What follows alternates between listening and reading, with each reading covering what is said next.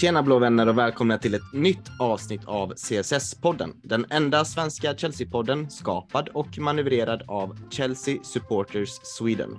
Den enda officiella svenska Chelsea-supporterföreningen med platinamedlemskap i Chelsea FC. Så eh, gå in och bli medlem och bli en del av den svenska Chelsea-familjen tycker jag. Har du ännu inte hunnit lämna fem stjärnor på podden så gör gärna det, både på Spotify och på Apple Podcast, givetvis om du tycker om innehållet och det hoppas vi att ni gör. Ehm, vi hade varit väldigt tacksamma över det. Ehm, vi kan ju också dessutom tipsa om att prenumerera på vår Youtube-kanal eh, där vi också kommer ut, kommer ut med mer content om eh, vår älskade klubb. Um, och ja, sist vi eh, pratade här så ja, det har ju hänt en hel del kan vi väl säga. Och eh, vi kan ju börja med den eh, bombastiska nyheten som nådde oss eh, onsdag förmiddag.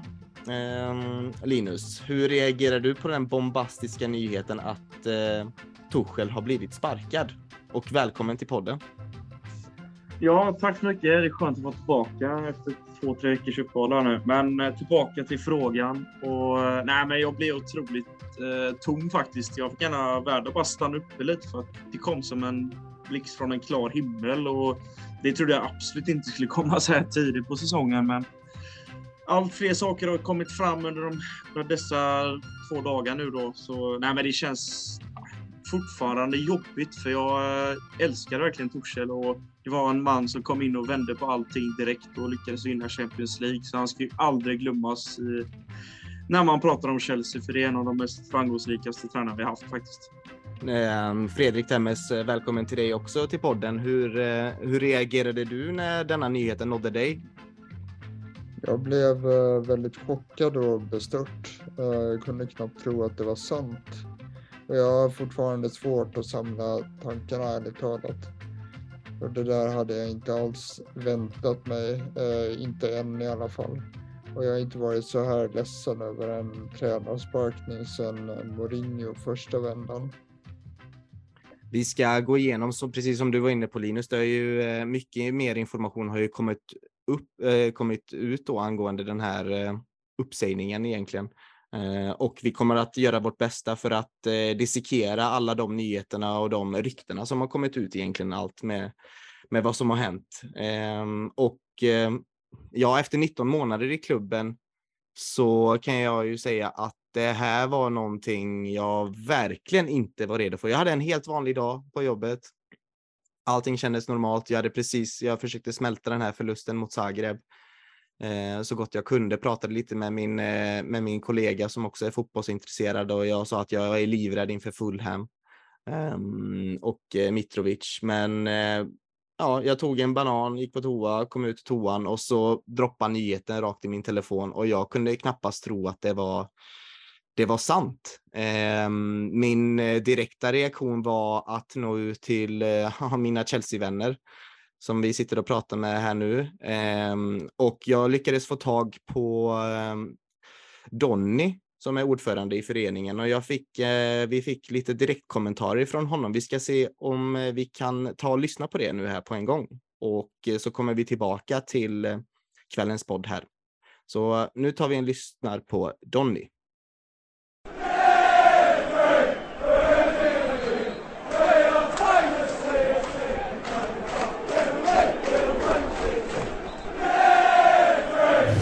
Ja, då har vi med oss Donny här då. Han kunde ställa upp eh, lite extrainsatt här eh, strax efter att vi, den här nyheten eh, ja, kom ut, på, ut i fotbollssfären och ut i nyhetsvärlden.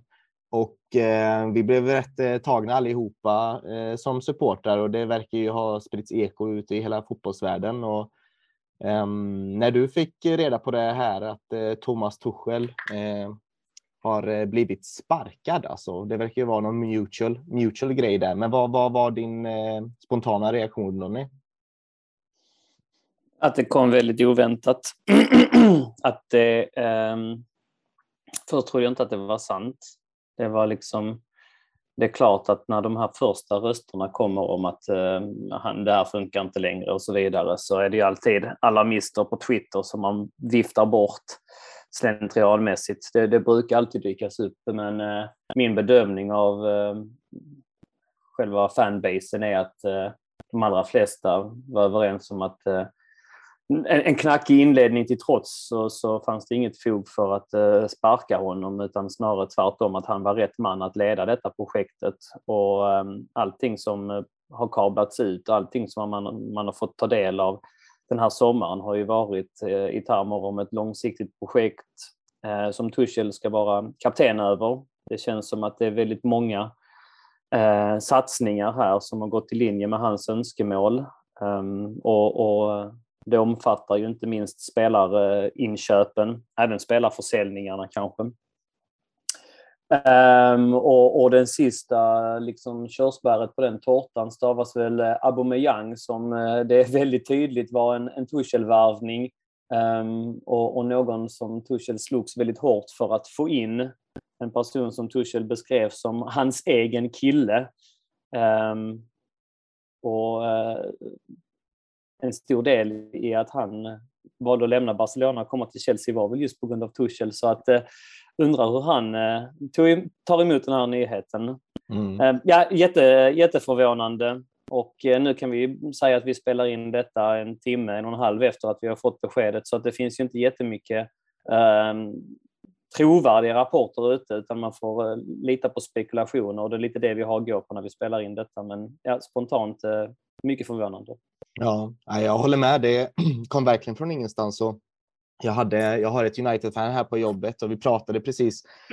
Jag har precis kommit tillbaka från min, min semester. Jag har inte hunnit eh, prata så mycket fotboll med honom, men vi, vi tog mm. ett snack här på förmiddagen och Ja, vi pratade väl om hur eh, vad bra det börjar se ut nu för United med mm. Erik Ten Hag och lite de här oroande känslorna och mm. tankarna som jag har då som Chelsea-supporter. Men att jag ändå backar Tuchel och att jag ändå tror på det här. Mm. Och sen var det att jag tog en kaffe och sen gick jag på toa och, mm. ja, och sen när jag kom ut i toan så fick vi de här, eh, började notifikationerna på eh, telefonen. bakat loss. Ja, precis. Och det var ju mm. lite konstig timing där och jag strax efter slutsignal. Vi kommer att gå in på det i podden som kommer spelas in imorgon då, torsdag den 8 eh, mm. september. Kommer vi ju prata lite mer kanske i detalj om matchen. Men mm. man fick ju, jag har ju ändå fått en, en känsla av hur hans agerande har varit. Både på plan och kanske att han inte är lika, vad ska man säga, han är inte lika animated som man säger på eh, mm.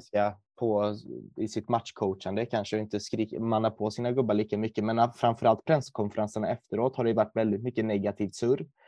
Mm. Um, han har ju anklagat både sig själv och uh, spelartruppen att man inte ger ut det maximala. Så det, hade det här varit under Abramovic era så hade jag väl kanske anat att det här skulle hända om den här tronen hade fortsatt. Nu hade vi Bowley eller det här nya ägandeskapet hade ju på något sätt sålt in den här idén att nu ska vi bygga någonting långsiktigt och det är ju nog det som gör mm. att det här skär så himla mycket. Um, mm. Det var ju länge sedan jag, jag känner att vi fanbasen stod bakom en tränare så hårt som vi har stått bakom Thomas Tuchel. Det var ju kanske sist eh, förmodligen Carlo Ancelotti eller kanske mm, Antonio Conte till viss mån eh, som vi stod bakom en tränare mm. hårt. Men eh, vad, vad, vad, säger detta om, om den nya ledningen, eh, Donny, tycker du? Och varför tror du ledningen agerar på det här sättet? Nu är det ju svårt att, vi får ju bara mm. spekulera helt enkelt.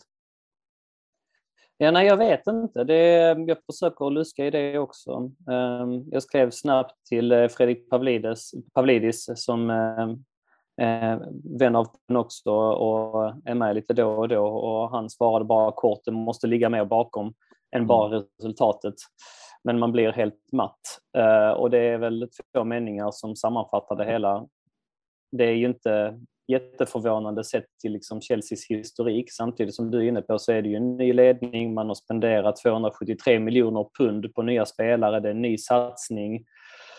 Eh, är detta ett sätt som det spekuleras i på Twitter nu, att eh, verkligen markera att det sista från den, eh, den gamla eran är, är ute också när, vi, när Abramovic tog över så körde man ju vidare med Ranieri en hel säsong, men han var ju dead man walking. Och, och är det så att eh, Bowley och Clearlake har känt detta från början, ja, då kanske det är bäst att när man ändå är i den här eh, omvandlingsfasen att, att bryta även det tyngsta bandet som, som eh, någonstans klamrar sig kvar vid Abramovic-eran, vilket kanske Thomas Tuchel såg som.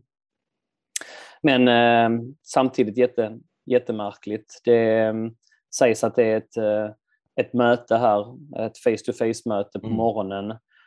Um, och när jag som sagt, det, det, är så pass färskt så att det inte, allting har inte kommit ut, men jag har ändå läst lite Nisar Kinsella, lite Ben Jacobs det är ju inte bara resultaten såklart, men det är klart att resultaten spelar roll och här kan man ju tycka att det är små marginaler. Chelsea hade ett stolpskott i slutet på matchen igår. Ja. Ska man backa bandet till förra säsongen så är det ut på straffar, eller förlorad pokal på straffar i två stycken av de inhemska turneringarna. Man gick ändå ganska långt i Champions League. Det är ju inte, det är inte dåliga säsonger, även om man kan argumentera för att hade två, två pokaler där i FA-cupen och, Carabao Cup eh, kammats in så hade ju det varit helt fantastiska säsonger. Mm. Så blev det inte, men ibland är det, jag vet inte om det, det, det, kan vara det att det är små marginaler som gör det. Här har man liksom blandat och gett inledningsvis i säsongen. Men faktum är att det har, det har inte sett bra ut. Den här matchen mot West Ham jag vet om att det är väldigt många Chelsea-supportrar som vill få det till att att det var en bra prestation och att det var helt rätt av domaren att döma bort det där varmålet i slutet. Men ska man ta på lite nyktra glasögon så kom vi undan med blotta förskräckelsen där. Absolut. Och eh, förnedrade av Leeds. Eh, förlorad match mot Dinamo Zagreb som kanske är Champions Leagues sämsta lag. Mm. Jag, jag tar inte liksom sparkningen um, i försvar på något sätt, men det är en resultatdriven bransch och här tränaren får bära hundhuvudet. Att han borde fått mer tid, 150 procent, men kanske inte helt ologiskt om vi lägger alla korten på bordet resultatmässigt. Och sen har vi ju den andra argumentationen kring det hela det, som, som gör gällande att detta har förmodligen sträckt sig tillbaks hela vägen i sommar. Förmodligen eh, med, med både försäsongsturneringen, han är ju, det, det har varit väldigt negativa konnotationer till hela förberedelsen inför säsongen. Ja. Man, varit, man har ju enligt ja. David Ornstein och eh, både Matt Laws har man varit oense om Ronaldo-signaturen ja. och försäsongen. Det är ju fler grejer, lite kaka på kaka och då är det väl då känner väl inte Bowley kanske det här är inte min gubbe. Han, han, eh, han köper inte min vision som jag har. Eh, så det är kanske är en krock av kultur möjligtvis som har gjort tillsammans med spelarresultatet då eh, som har lett fram till det här. Sen eh, verkar det ju också som att oftast när man sparkar en tränare så vill man ju oftast ha sina spelare i ryggen då, alltså att ledningen ska ha spelarna i ja. ryggen. Och man, vi kan ju inte heller sitta och säga att eh, det ser ut som att spelarna har, har, har spelat för, att, för Tuchels överlevnad heller. Och det är ju något återkommande Alltså Mount, hur många maxlöpningar tog inte han, eller tog han igår då eh, mot Zagreb? Men vi, vi, kan lyfta upp hur många spelare som helst egentligen. Ja. Men, ja, jag tycker Mount tog sig för onödigt mycket skit. Jag tyckte han, han, han kämpar väldigt bra här inledningsvis. Men nej, han har inte kommit upp till, till full förmåga. Det kanske, ja, det vet man inte. Jag, jag vill ändå tro att eh, de flesta spelare, alltså så är det ju ofta i ett lag, va? att eh, alla, alla spelare kan ju inte älska tränaren och Pep Guardiola sammanfattade det skitbra eh, förra eller för förra säsongen när han sa att, eh, fick, fick liksom frågan på du verkar vara så omtyckt i, i omklädningsrummet, så sa han ja men inte av de som inte spelar. Nej. Alltså så är det ju, va? Så att, och så är det alltid här och de här grejerna kommer att bubbla fram nu här i kölvattnet av sparkningen, att det fanns schismer och det fanns grupperingar, men, men så är det ju alltid. Va? Så är det alltid, ja. Um, ja. Uh, nej, det är en, en, en konstig känsla. Ja, det du säger också att Bowley har, verkar ju ha ändå känt efter här i, i bland spelarmaterialet och det är ju bland annat då Reece eh, James, Thiago Silva, Aspilicueta ska han ha varit i mm. väldigt nära kontakt med. Uh, inte förmodligen om det här beslutet, men ändå så att han känner att han att han har stort förtroende hos dem. Och, um, det är nog viktigast. Ja, vi, vi, fans kommer ju förlåta och glömma om, om det går bra för oss. Liksom. Ja, ja. Ja, men det är oroväckande att, eh, att det har gått så fort och att man inte... Jag hade nog förstått det här beslutet lite mer om vi hade haft en director of football på plats, någon slags sportchef ja. eller någon teknisk direktör där som, som har... Men det är ju, återigen, jag ser också den spekulationen här på Twitter att man borde, men det är ju, det är ju allt som oftast styrelsebeslut i vilket fall som helst. Va? Och, alltså det är inte en, en sportchefs eh, grej att eh, fatta de besluten på, på egen hand. Så att jag undrar, ja, nu råkar det vara så att Todd Bowley är interimsportchef och det verkar som att han har gjort mycket bra under sin eh, första tid här som, som tränare. En del chansningar, en del, en del grejer som vi kommer få reda på i framtiden om det har varit bra eller dåligt. Så är det ju mm. eh, med detta också. Va? Så att eh, ja, det kanske slår ut väl. Det, klubben går ju någonstans först och, och jag tycker det är jättekonstigt och, och, och märkligt på alla sätt och mm. hur man nu ska bygga vidare på detta. Men det är en resultatdriven bransch och det är möjligt att vi summerar detta om en månad och säger att ja, det, var, det verkar vara rätt. Va? Nu Precis, vi, vi vet ju. En... Vi vet Nej. ju inte riktigt, men eh, jag reagerade ju lite väldigt kraftigt när Gary Neville gick ut på Twitter och sa att nu håller Todd Bowley på att leka fotboll manager. Mm. Men nu verkar det som att det har, eh, att det verkar ju stämma mer och mer just det här Eh, mm. Och jag var ju rädd i början, det minns jag ju i min debut på där sa jag att jag är lite rädd att Todd Bowley ska göra någon slags, att han ska mm. målas ut som någon clown här. Han kommer till en ny kontinent och ska leka ja, fotboll manager liksom. Um. Vi får se hur det blir. Matt Lars men... skriver här nu eh, när jag scrollar. Um, och just, just det här som vi pratar om, va? för att lägga in en input kring det, va? hur det tas emot i omklädningsrummet. Mm. Um, det är klart att det är en, en worry, men um, allt, uh, all the evidence suggests that the majority of the dressing room will accept it. Så um, man kan alltid ja. Man kan alltid vrida och vända på det där. Precis, Så, Matt Law hade ju också... Det, det, någonting som tyder på kanske att uh, schismorna och att kontakten med spelarna kanske inte var sådär 150 procentig. Men ehm, ja. ja. David Orstein hade ju också lyft upp att spelarna hade lyft upp lite concerns då om vilka roller de hade på plan och så, att det kan också lättare. Ja. Men om vi kollar ja, men till... Samtidigt i detta, vi vet ju om att Tuchel inte är en eh, icke-kontroversiell tränare. Det har vi vetat om sen, sen tidigare. Va? Och sant, att, eh, sant hade han inte liksom eh, klappas med hos alltid. Så att eh, det är klart att han har haft krav och det är klart att han, eh, man kan se att de där vassa armbågarna kan, kan ställa till det. Att han är en fantastisk tränare rent fotbollstekniskt, det, det vet vi om. Jag skulle säga att han är den bästa som finns där ute, kanske ja, tillsammans med Guardiola då. Va? Men eh, den här biten att han eh, har varit konfrontativ och att eh, han har visat en historik av att det har skurit sig tidigare. Det är liksom inte ofta bara, bara ens fel när det blir så, utan Tuchel har haft sin del i detta och eh, exakt vad som har pågått där bakom kulisserna, eh, det vet vi inte, men att det har spelat roll, det måste det ha mm. gjort, för att annars så sparkar man inte en tränare liksom efter så här en månad in på, på en ny säsong. Det, det finns inte. Och, och, av de korrarna som jag följer så är ju de flesta med att la, drar upp ett gäng punkter här. Både då att eh, eh resultaten eh, inte har varit bra, men att det inte bara handlar om det. Eh, tensions eh, liksom, som har byggts upp eh, ända sedan i somras och, och turnén i, i USA som Tuchel uttryckligen liksom visade sitt missnöje mot. Det var ingen som helst som kunde missa de signalerna. Mm. att spelare var, var, var missnöjda och, och, att det, det, finns en, ett behov av att starta om, som han beskriver det. Så att, ehm, ja. Mm.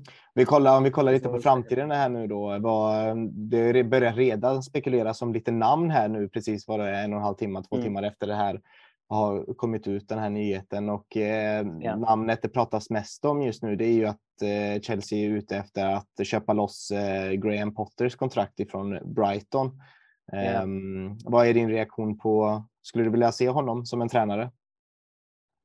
Ja, det verkar vara en, en, en kanontränare, absolut. Så att um, han är absolut min, min förhandsfavorit just nu. Men rent liksom, fan, jag kan inte ens smälta detta. Jag kan inte ens liksom tänka i de banorna just nu. Nej. Men de som det pratas mest om just nu, som sagt, vi spelar in då, det är väldigt, väldigt färskt. Saker och ting kan komma att ändras väldigt snabbt. Men. Uh, att Chelsea verkar vilja ha Potter, men är, är det, går det att lösa? Alltså, Brighton har ju också en satsning på gång där de har öppnat jätte, jättebra Verkligen. den här säsongen. Um, var, nej, han verkar vara, verkar vara en, en, en kanontränare. Jag har ändå följt honom ända sedan Sverigetiden och har lite ingångar också med folk som har haft direktkontakt med honom. Han verkar vara en, en kanontränare. Men, men alltså, han har ju aldrig, aldrig prövats på den stora scenen. Liksom. Men, ja, det är, det är så här på förhand utan att ha gett det någon jättedjup eh, äh, åtanke. Så ja, det låter väl, låter väl rimligt. Det andra namnet som nämns är Pochettino, men som sagt, det, det är svår, svårt att bara liksom Ja, jag håller med dig. Tänka kring det. Ja, men jag hoppas att ledningen har tänkt på det, för tar man ett sånt här drastiskt beslut så bör ja. man väl ha någon ja. plan B eller plan C. Som sagt, vi har ju knappt någon sportslig ledning. Vi har ju gjort av oss, oss av med de här stora profilen, Peter Käck bland annat. Det var man ju också ja. oense om tydligen, där Tuchel ja. ville ha kvar honom, men Bowley ville gå vidare. Ja. Så man borde mm. ju ha en plan B eller en plan C på G där. Ja. Um, mm. Vi spelar ju match på lördag redan 13.30 eh, svensk tid eh, yes. mot Fulham eh, borta och det, och då, ja, det, det, bara det kände, känns ju läskigt att möta dem nu med Mitrovic som eh, verkar göra mål på allting. Eh, ja. Och, nej, jag, jag, är, jag Vi får se. Det kan det bli bra, det kan bli dåligt. Låt oss hoppas att uh, de har koll på vad de gör, de där amerikanerna. Ja. Men Donny, jag, får först.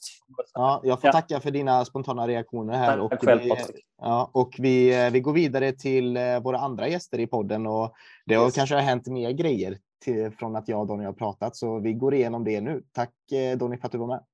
Tack ska ni ha. Tack så mycket. Ha det bra. Ja, som ni kan höra så var både jag och Donny lite chockade över vad det är som hände. Det var svårt att samla några direkta tankar och reflektioner. Ehm, så vi tar oss an eh, introt här och så försöker vi dissekera i vad det var som faktiskt hände.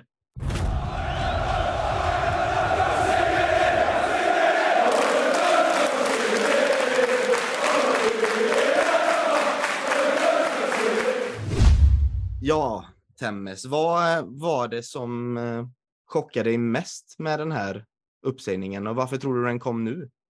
Eh, I och med att Bowley så tydligt hade backat Tuchel under sommaren så trodde jag att han eh, satt säkert. Man trodde att han hade gett honom full kontroll över alla transfers. Och när vi, när vi nu trots allt spenderar drygt 270 eh, miljoner pund så kändes det väldigt märkligt att eh, sparka honom redan, redan en månad in på säsongen. Men nu har det framkommit uppgifter om att det kanske inte riktigt var så att, att Tuchel hade full kontroll Nej, precis. Nej, precis. Och det var ju det kommit upp fler grejer med att de inte de har varit oense om om Ronaldo bland annat. Och den här eh, försäsongsturnén var ju fortfarande någonting som hade gnagat Tuchels hjärna, någonting som hade klagat på. Och Linus kände man kanske från början, nu då i efterhand, att han kanske alltid har varit en dead man walking? Eller tror du att Bowley ville ge Tuchel en chans ändå? Ja, alltså man, fattade tidigt att Bowley ville komma in och göra sitt Chelsea och då tänkte man ju först att Torshäll är med på detta, den här nya eran, har kommit in på ett bra sätt och har liksom vunnit stora titlar hittills, liksom tagit en Champions League. Då har man ändå skaffat sig mandat till att ha förtroende även om en ny ägare kommer in. Men jag menar, kollar man på Torshäll i PSG, vad hände där? Jo, bråk med ledningen och han skickades. Så han har ju haft problem med sånt här tidigare, men man kände inte av det, för det, efter det här med just med pandemin, när Torse var där, att det spelar ingen roll om vi inte kan flyga, vi tar bussen. Han, blev liksom, han stod ju för alla vi fans och kände den här frustrationen för hur jobbigt det var. Han visste ju hur det var och han blev liksom en symbol för alla oss som led. Liksom. Och han var liksom han som stod längst fram och tog all skit. Så det kändes som att han skulle få vara med på den här resan, men eh, ja, som vi har varit inne på, vi kommer gå in noggrannare nu vad som egentligen skedde, men det, det är så svårt att greppa nu. Alltså, jag har inte riktigt landat än, men det är, mm, det är svårt att finna de här rätta orden hur man ska beskriva situationen. För den verkar ju uppenbarligen vara väldigt rörig och eh, att det har varit intriger helt enkelt. Ja, jag håller med. Jag har också svårt att landa i någonting och jag har nog spenderat mestadels utav eh, dagen av att kolla compilation videos när han firade med spelare och vi har haft våra fina triumfer med, med Torshäll och man, eh, man kan inte tro riktigt att det är sant. Eh. Men Temmes, vi, vi, vi hade, han, det var ju nära kontraktsförhandlingar och eller det var ju kontraktsförhandlingar enligt, enligt honom. Det, var, det sa han ju själv i en presskonferens eh, och det planerades för framtiden och det här var ju bara, det var mindre än en månad sedan det här var. Vad, vad hände egentligen? Alltså det sägs ju att de nya ägarna eh, från allra första början tänkte satsa långsiktigt på Torshäll. Eh, men att det blev meningsskiljaktigheter redan under USA-turnén. Eh, Torshäll var inte alls nöjd med att ha det här sportchefsansvaret, vilket han ju var öppen med också. Och behövde ju säga nej sex gånger till, eh, till eh, Ronaldo. Eh, och ägarna ville sätta en ny kultur och, och eh, vad det verkar så sades Torshäll inte vara intresserad av att delta i det arbetet utan ville, ville mest ägna sig åt att och träna laget. Och, och sedan dess så har det väl varit eh, disputer fram och tillbaka. Så det sägs att han eh, eh slutade nästan eh, prata eh, med eh, ägarna till slut. Och, och de, de kände väl här tror jag när de gjorde en slags genomgång efter hundra dagar i klubben att det här är ohållbart. Uh, och alltså det var väl det helt enkelt och sen att uh, spelet ser ut som det gör och att resultaten gått som de gjort eh, är eh, klart att det bidrar till det men det är ju inte hela grejen utan det, det verkar helt enkelt ha varit eh, för stora för stora meningsskiljaktigheter mellan, mellan Tuchel och, eh, och ägarna, eh, vilket ju är, är väldigt synd, men det är så det framstår i alla fall. Och framför allt måste jag ju, eh, alltså, ska vi, vi kanske kan vara eniga om att det är kanske lite för tidigt att börja sammanfatta eh, Thomas Tuchels tid i Chelsea. Jag känner det personligen i alla fall. Det här, eh, för mig måste det smälta lite till, men eh, han är ju, kollar man statistiken och siffrorna så har han väl en 60 win rate eh, som är en, en, fin win rate. Och han ska ju absolut inte skämmas över sin tid i klubben. Tvärtom så kommer han att komma ihåg som en, inte legend, men han är ju en, verkligen en del av våran rika historia eh, redan och han fick, jag har ju fått ett tifo redan efter, han fick ett tifo framför sig redan efter lite över 12 månader som, som tränare för Chelsea, så han har ju verkligen gått in rakt in i våra hjärtan och där förstår inte jag, Linus, hur Bowley tänker. Vi kommer ju komma in lite, precis som Temme sa, att Bowley och eh, Egbali och det nya ägandeskapet ville skapa en ny kultur. Och vi kommer ju komma in på att de ser att det är Graham Potter som nu har blivit bekräftad som, eh, ja, där de känner att eh, visionerna går ihop helt enkelt med. Men Kände du inte riktigt att eh, Tuchel har blivit, har han verkligen fått den uppskattningen som han förtjänar efter all tid och den här våren när han behövde stå ut med ägan, det här bytet av ägandeskap försäljningen och han har ju varit en stark karaktär både i omklädningsrummet och utanför omklädningsrummet. Förtjä har han fått det han förtjänar tycker du? Nej, men jag, jag tycker inte det personligen som sagt, det kommer säkert komma ut ännu mer fler saker och eh, nyheter kring hur detta gick till. Men jag menar, han, han har ju varit med under hela den här processen när vi eh, var i en situation där vi knappt kunde åka på matcher. Liksom. Och han, han, var, som jag var inne på, den här frontfiguren. Och det som även Matt Law liksom, eh, skrev nu eh, igår, det där vart flera saker han tog upp. Och bland annat var det en sak det där om att Ronaldo ska ta sig in i klubben där Todd Bowley vill ha in, men inte Tuchel. Det gäller samma Anthony Gordon. Ville Tuchel inte ta in, men eh, Bowley de ville ta in Gordon. Och det är, det är ju två spelare som jag står i åsikt med Tuchel, att de ska inte in.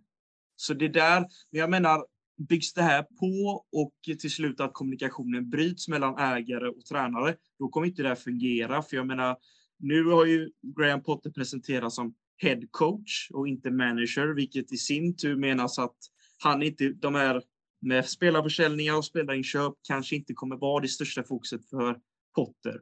För det kändes lite med just med Torshäll var att han hamnade i ett mellanläge där det var lite oklart vad, vad han egentligen fick vara med och styra och ställa för att man förstår att Bowley vill komma in och få in de här stora spelarna. Men det fanns, fanns ett flertal spelare där de helt enkelt inte kom överens uppenbarligen enligt uppgifter. Och jag menar, läggs de här sakerna på, det bara blir fler och fler grejer och resultaten inte går med oss, då, då blir det svårt. Och nu har det nåtts av det här att de har gått skilda vägar och det tycker jag är tragiskt för att Torshäll har gjort så mycket för den här klubben på den tiden han har varit. Och jag önskar han all lycka i framtiden för jag tror definitivt att han kommer få ett eh, grymt jobb eh, mm. härnäst. Och, mm. nej, det är bara det är tråkigt allting som skett. För jag menar, det är ny, vi ska ha en ny era och Torshäll var med och startade den och så har den redan kapats. Liksom. Så att, ja, det är jävligt tråkigt faktiskt.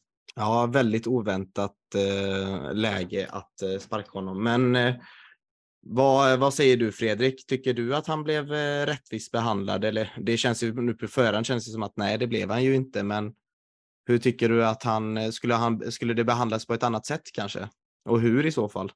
Jag tycker framförallt att han borde ha, ha fått mer tid.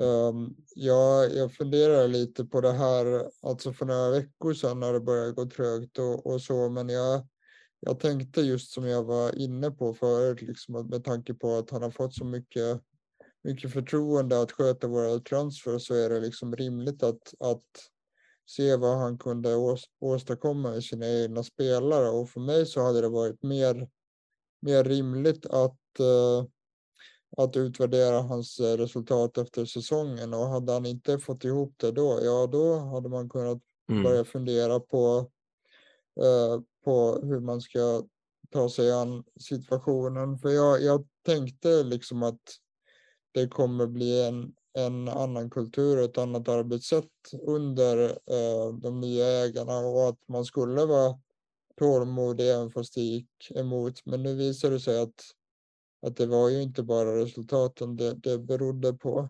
Mm. Uh, och vad gäller uppskattning och så där så nej, det är klart att han inte fick tillräckligt med uppskattning. Men man ska också komma ihåg att uh, Bowley och Clear Lake var ju inte här under under pandemin och under eh, sanktionerna så att de ser det kanske på ett helt annat sätt.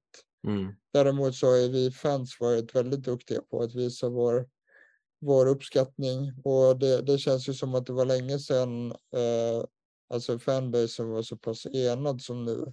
Ja, även, om det finns, även om det finns några stycken som, som såklart är glada över att se honom gå. Men eh, jag är ja, stolt över att vi har, eh, vi har visat honom så mycket kärlek och det tycker jag att han förtjänar. För det kändes ju verkligen som att han eh, tyckte om klubben och han, han sa ju det väldigt ofta att han är mm glad att vara här och, och stolt över att vara i Chelsea och så vidare.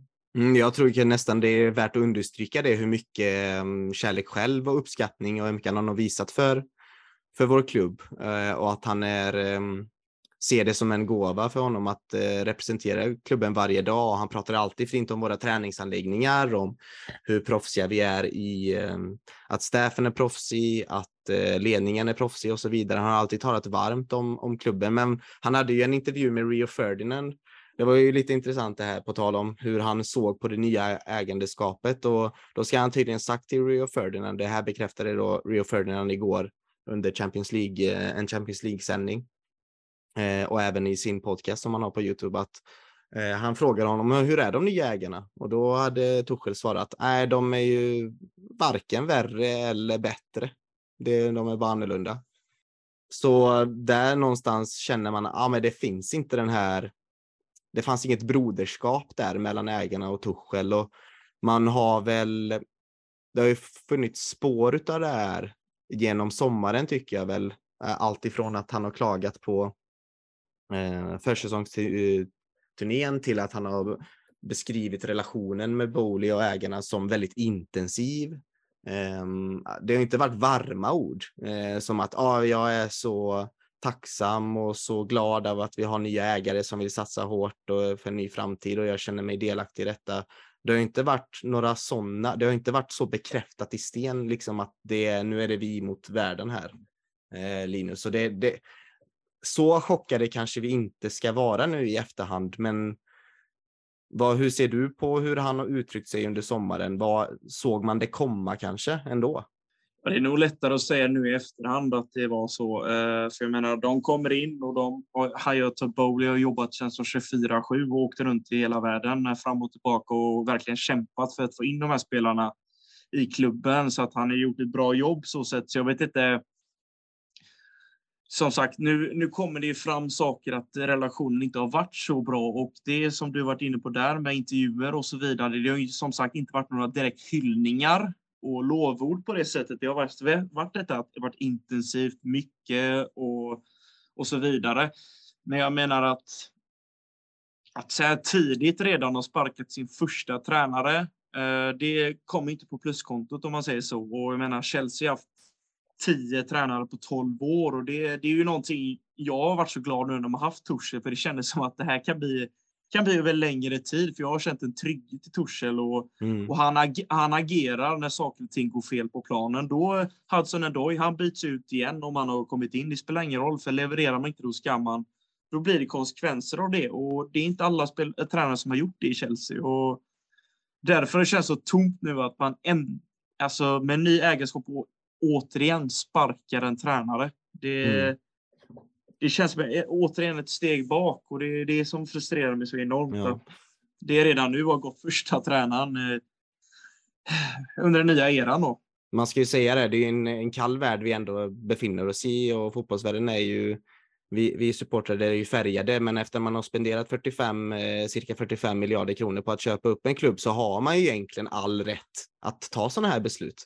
Men mm. jag tycker det kanske var Alltså, om, man, om det här var, e, eftersom det ser ut att ha varit en strategi och att det var taktiskt och att man har tänkt på detta ett tag, så var det ju väldigt dåligt utfört eh, känner jag. För att någonstans nu så måste ju det nya ägandeskapet eh, bilda en relation till oss också, fans, vilket var någonting av huvudpunkterna för det nya ägandeskapet, att vi vill eh, lyssna på er fans, vi vill att ni ska bli involverade och precis som du var inne på både ni båda, så att vi supportrar har ju verkligen stått bakom Tuchel och det är ju inte, det är ju sällan man ser det hos oss fans, att vi är så sammanslutna kring en, kring en tränare då i majoritet framför allt.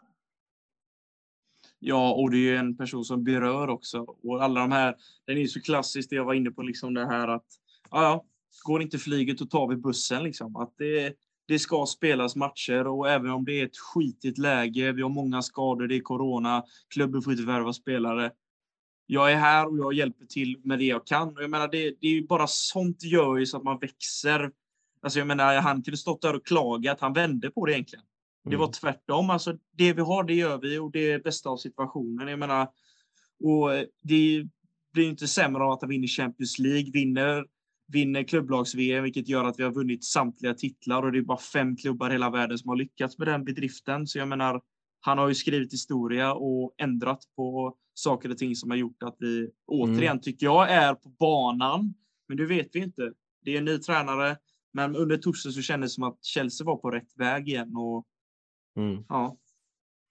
Det är, det, är svårt att inte, det är svårt att inte säga positiva grejer om Torshäll. Nej, vi ska, vi ska gå igenom eh, Torshälls eftermäle så gott vi kan här nu alldeles strax. Men jag, men jag tänkte innan det så uh, vill jag ändå höra vad Fredrik har att säga om, eh, eh, om just hur ägarna, ägarnas egentligen relation till fansen, hur, hur påverkas den här nu? Det är ju klart att den kommer uh, påverkas. Uh, jag tror att det är väldigt många som är besvikna över hur, hur det här har gått till och det är ju så synd därför att jag personligen känner i alla fall att eh, fram tills nu så har de ju egentligen gjort nästan allting rätt.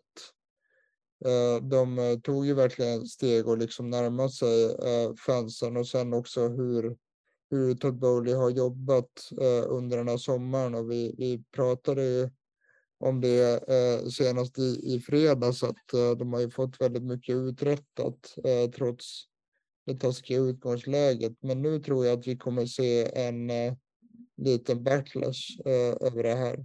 Mm. Och eh, vi kan ju säga då att det blir eh, upp till bevis någonstans och det var vi kan väl säga att det är lite plåster på såren att man har, man har gått eh, för Graham Potter eh, kanske. Vi kommer ju gå in på honom lite mer djupt och vad han eh, skulle kunna uträtta i våran klubb och om vi gillar den här anställningen eller inte. Men vi kan ju, eh, det känns ju väldigt snopet att börja snacka ner Tuchel, för jag hade kunnat prata om honom i två, tre timmar tror jag egentligen och om all kärlek jag hyser för honom och respekt och vad att han känns som en del utav, eh, han känns som en integral part of the club. Men hans eftermäle blir 100, efter 100 matcher så blir det 60 vinster, 24 lika Eh, och 16 förluster. Eh, vi gjorde 168 mål med honom som tränare och släppte in 77. Eh, vi vann alltså Champions League med honom i hans första vår. Även supercupvinnare och äntligen världsmästare då blev vi. Vi kom i två FA-cupfinaler som vi tyvärr förlorade och en ligacupfinal som vi också förlorade. Och det är ju hans resumé egentligen och på så kort tid att eh, ja, alltså det hade ju kunnat gå åt skogen egentligen med allt som hände efter pandemin och framför allt med invasionen av Ukraina att eh, när Abramovich var tvungen att sälja så var han den trygga punkten där och jag vet inte riktigt hur Chelsea hade varit som klubb om det inte hade varit för honom. Eh, hade vi ens spelat Champions League den här säsongen? Det är oklart. Det kanske vi inte hade gjort. Eh, men när vi ser på hans eftermäle rent på spelarna, det här tycker jag är intressant för det här. Vi, vi har ju gått igenom det tidigare inne i podden, eh, Fredrik. Vi, den enda egentligen spelaren som har utvecklats i vad ska man säga, i positiv riktning då, sen han tog över klubben, för mig är ju egentligen bara Rudiger. Eh, den andra, andra spelare är ju Thiago Silva har ju hållit en jämn hög nivå, men ser du någonting annat? Tycker du att han har förbättrat någon fotbollsspelare? Jag skulle också säga att han gjorde Andreas Christensen till eh, världsklass och också en av världens bästa försvarare under, eh, under Champions League resan då. Men offensivt däremot så har han ju haft problem att få ut max av sina spelare och jag, jag, vet inte riktigt, alltså det känns som att han har spelat spelare i fel positioner också. Jag menar Mason Mount till exempel, han är ju ingen högerytter utan han, han är ju han är en åtta och jag tyck, och som jag nämnt hundra gånger tidigare så tycker jag också att eh, Kai Havertz har spelats i, i fel position. Men helt, helt oavsett så har han inte, inte riktigt få till eh, offensiven under hela sin tid i, i klubben och det blev ju, blev ju uppenbart nu framförallt här på, på slutet när det kändes som, som att uh, hela anfallsspelet gick i stå. Så att uh, han förbättrar ju defensiva spelare får man säga, men, men offensiven så var det inte riktigt samma sak. Nej. Linus, vad tycker du att han har för eftermäle på just eh, fotbollslaget Chelsea? Vad gjorde han på plan som borde leva kvar vidare? Ja, framförallt Björn som du var inne på, att lyfta Rudiger eh, som gjordes till en av de bästa mittbackarna i hela världen och var ett monster där bak. Sen tyckte jag även att Mason Mount lyfte ännu ett steg, eh, även om hans säsong hittills har varit under all kritik eh, till mestadels. Men eh, jag tyckte Mount tog ytterligare kliv samt även James tog också större kliv under Torshäll. Och eh, sen tycker jag att det är på ett sätt att det fungerar fortsatt att spela med treback. Jag menar, om man kollar till våran eftermäle när det gäller Graham Potter så spelar han också treback. Så på så sätt så är spelarna även vana vid att spela på det sättet. Så det är ju en positiv sak att ta, ta in Potter där nu, att det ju, kan ju spela på liknande sätt. Men däremot kommer det nog ske förändringar, för jag håller med om att Mount har hamnat helt fel. Kahavets har hamnat fel positioner. Och det är det som frustrerat lite, för då vet man att de når inte den nivån för att nå de här topparna och få ut maximalt och poäng. För det är det vi saknat av de offensiva spelarna. Vi har jättekreativa spelare, men alldeles för få poäng och det ser vi ju resultaten i år. Att det, det är inga stora vinster hittills. Nej, precis. Och det är väl då kanske det laget har fått mest kritik för att man inte, dels att man inte konverterar sina målchanser, men på senaste tid har det varit att ens komma till målchanser och det har ju sett lite stillastående eh, ut och så och eh, man vet ju inte riktigt om det har berott på taktiken eller om det har berott på att eh, spelarna inte har eh, känt att, sina, att de, de spelas i de rätta rollerna eller om det har varit osäkert med kontraktssituationer med transfers. Det har varit mycket frågetecken eh, nu egentligen och det var egentligen först efter att fönstret stängdes som både Torshäll sa ju själv att han längtade till dagen fönstret stängdes för då visste han vilket material han hade. Men vi kan ju nämna matchen mot West Ham där lite snabbt. Det var ju det, det klickade ju inte där heller, även fast vi, hade, vi fick med oss tre poäng lite turligt eh, efter ett eh, felaktigt bortamål måste jag säga. Jag tycker inte det var en frispark på Mondi. Ehm, så fick vi ändå tre poäng och i matchen mot Zagreb så, ehm, alltså där, det såg ju, jag vet inte vad jag ska säga, det såg ju inte ut som Chelsea. Det, det var helt disharmoni hela tiden och vi började matchen hyfsat starkt, men vi föll ihop totalt och då blev jag lite överraskad att inte Torshäll kanske reagerade, ställde sig upp och skällde, men han såg ju helt uttömd ut och det var nästan som att han visste vad som skulle hända. Men eh, ja, vi kan ju behandla de här matcherna lite snabbt, även fast det känns lite irrelevant. Vad har ni för tankar på, på matcherna? Man kan ju knappast säga att, eh, att det såg eh, superbra ut. Eh, det har ju varit samma, samma problem som vi haft de, de senaste matcherna egentligen, liksom att det gått i stå offensivt och defensiven har inte heller sett så, så bra ut som den gjorde under, under Tuchels mest framgångsrika tid. Sen så är det ju även oerhört hur pass mycket Mandi har gått ner sig. Jag tycker precis som du att eh, eh det målet som, eh, som blev bortdömt skulle inte blivit bortdömt eh, utan det var ju minimal kontakt där och sen förstår jag inte alls alltså hur han väljer att försöka stöta ut bollen där istället för att, att klistra den.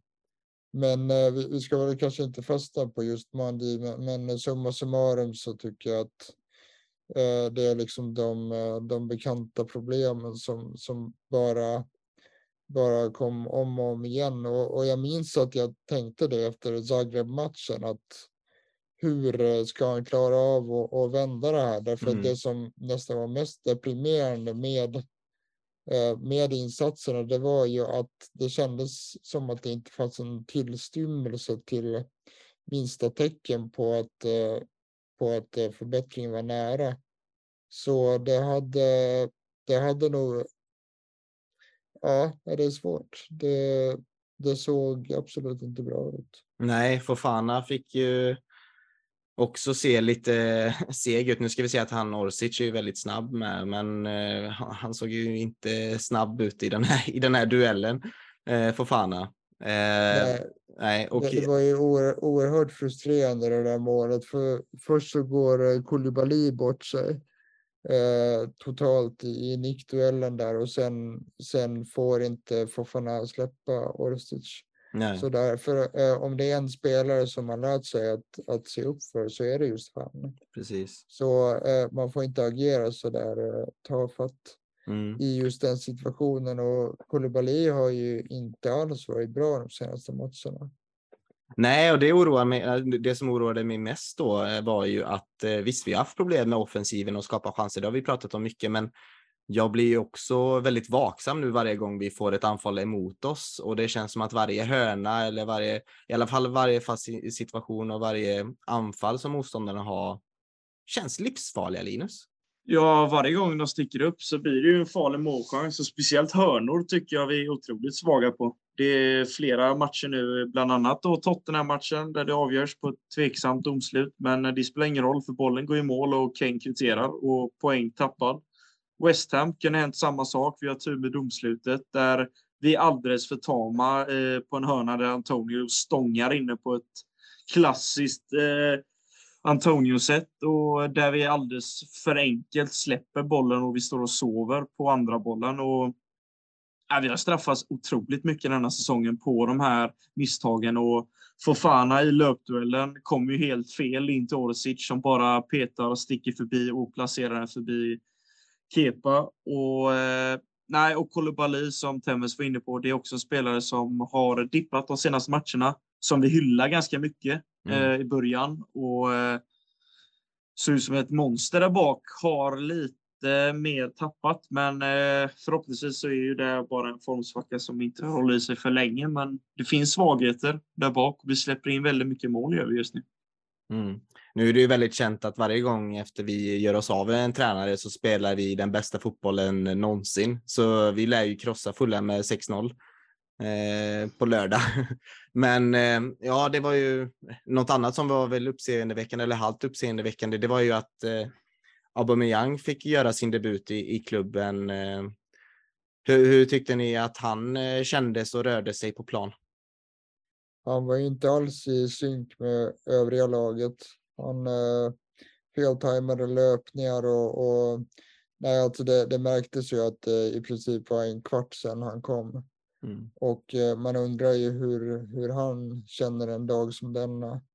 Eh, jag läste i morse att han hade varit orolig över, över sin situation nu efter Tuchel, men tydligen så, så ska ägarna ha försäkrat honom om att han, han var en eh, klubbvärvning så att säga. Mm. Och det ska han tydligen ha uppskattat. Men, men för att återgå till hans eh, debut så tyckte jag att det syntes att, eh, att han inte alls eh, var, var i, i samklang med sina lagkamrater. Men som sagt, har man gjort en eller två träningar så är inte det så konstigt. Nej, han hade ju ett bud på en fin assist där eh, som inte konverterades. Så eh, jag tyckte att hans rörelsemönster i alla fall såg, eh, såg spännande ut och jag tror han skulle kunna tillföra mycket till vårt anfall allt eftersom. Vi får se vad Graham Potter eh, kan få ut av eh, den kära Aubameyang.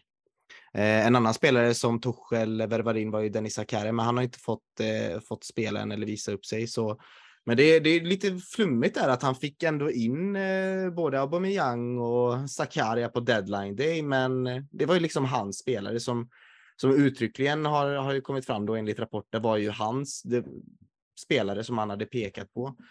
Och ändå så slutar det i att han eh, får sparken eh, liksom en vecka efter deadline day. Det är mycket chockande. Um, men vad, vad, finns det mer egentligen att säga om de här matcherna? Det, de överskuggas ju av de här, den här nyheten egentligen av att både Torshäll har lämnat oss och att vi, vi får in eh, Graham Potter som tränare. Vad, ska, vi, ska vi försöka börja sammanfatta lite hans eh, eftermäle i klubben på det, på det stora hela? Hur minns vi Torshäll eh, som tränare för klubben och kanske som en Chelsea-ambassadör? Eller Tror ni han eh, skulle vilja komma tillbaka i klubben någon gång? uh, för mig så är Tuchel uh, tveklöst en av våra allra största tränare, trots allt. Bedriften att vinna Champions League var ju helt makalös. Och sen så har vi också tagit upp hur han gjorde Rydiger och Christensen till världsklassförsvarare. Sen mm. hur han ledde oss genom pandemin och framförallt sanktionsperioden var ju otroligt imponerande. Och jag kommer definitivt att sakna hans eh, öppenhjärtighet och transparens och värme.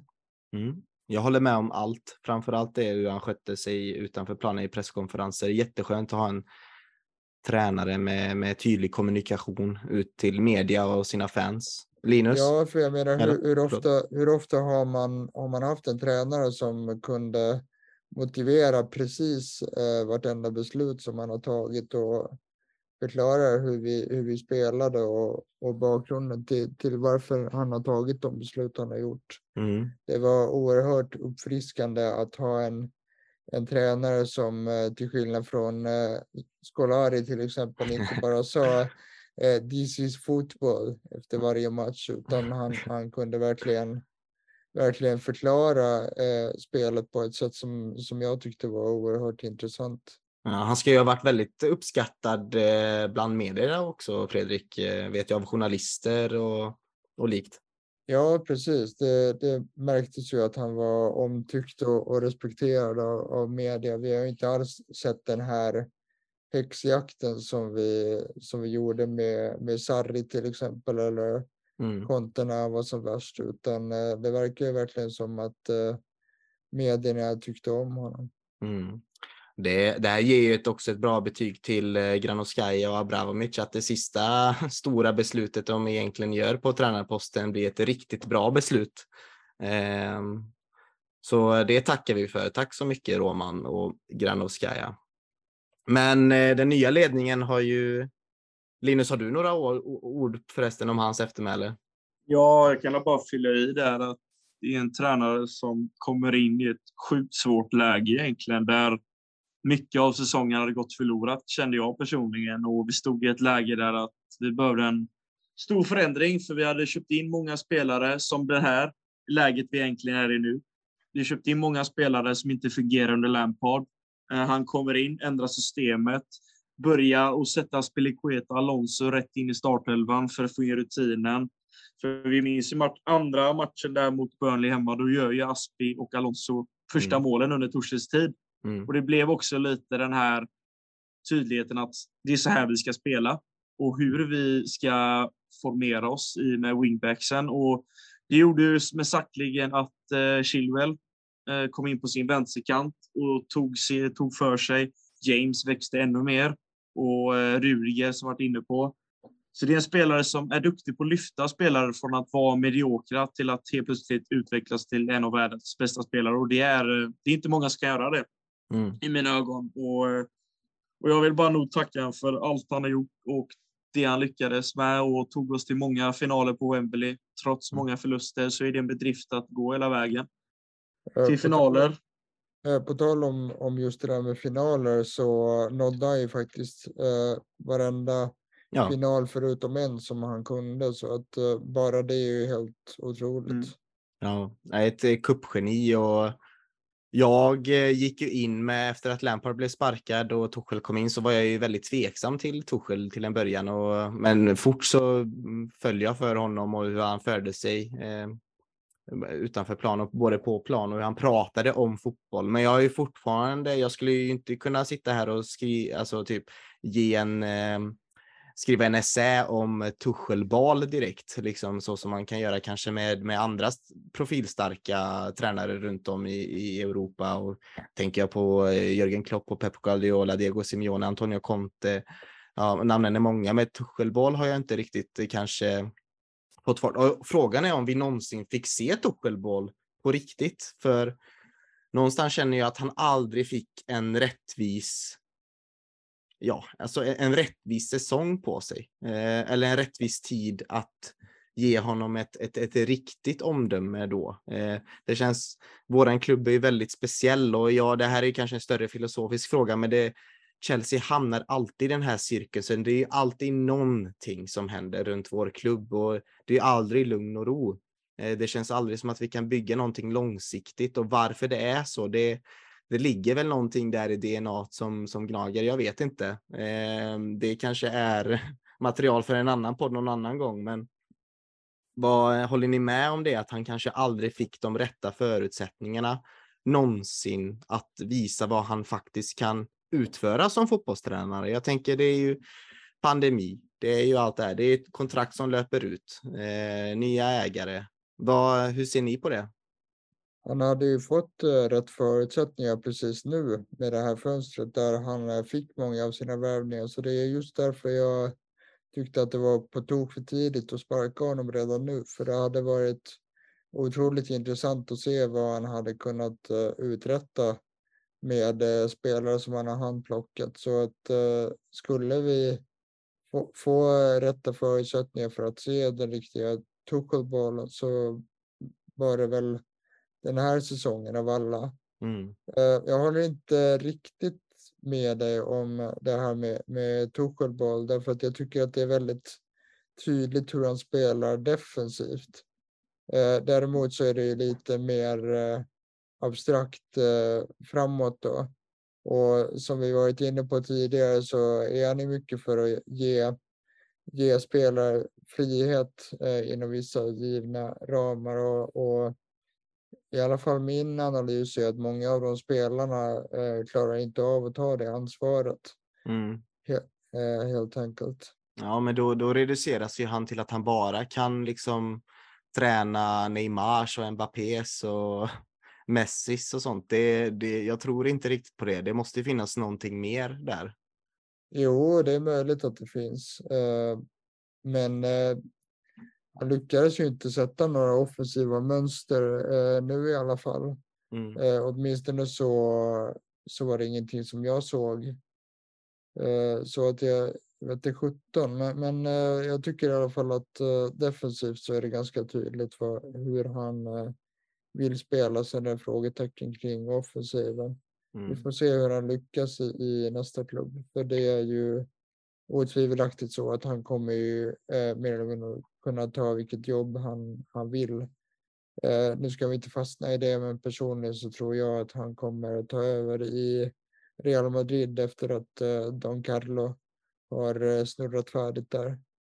Ja, spännande. Jag, jag vill också nog avsluta det här Torshäll-kapitlet på, genom att tacka honom för eh, för all framgång och för allt han har gjort för klubben och spelarna och önska honom bara lycka. Och precis som du var inne på Fredrik så är han en vinstgarant på många sätt, både för supportrarna och för eh, resultatet på fotbollsplanen. Så vi önskar honom eh, stor lycka och så hoppar vi in i del två där vi ska prata om vår nästa nya bästa kompis Graham Potter.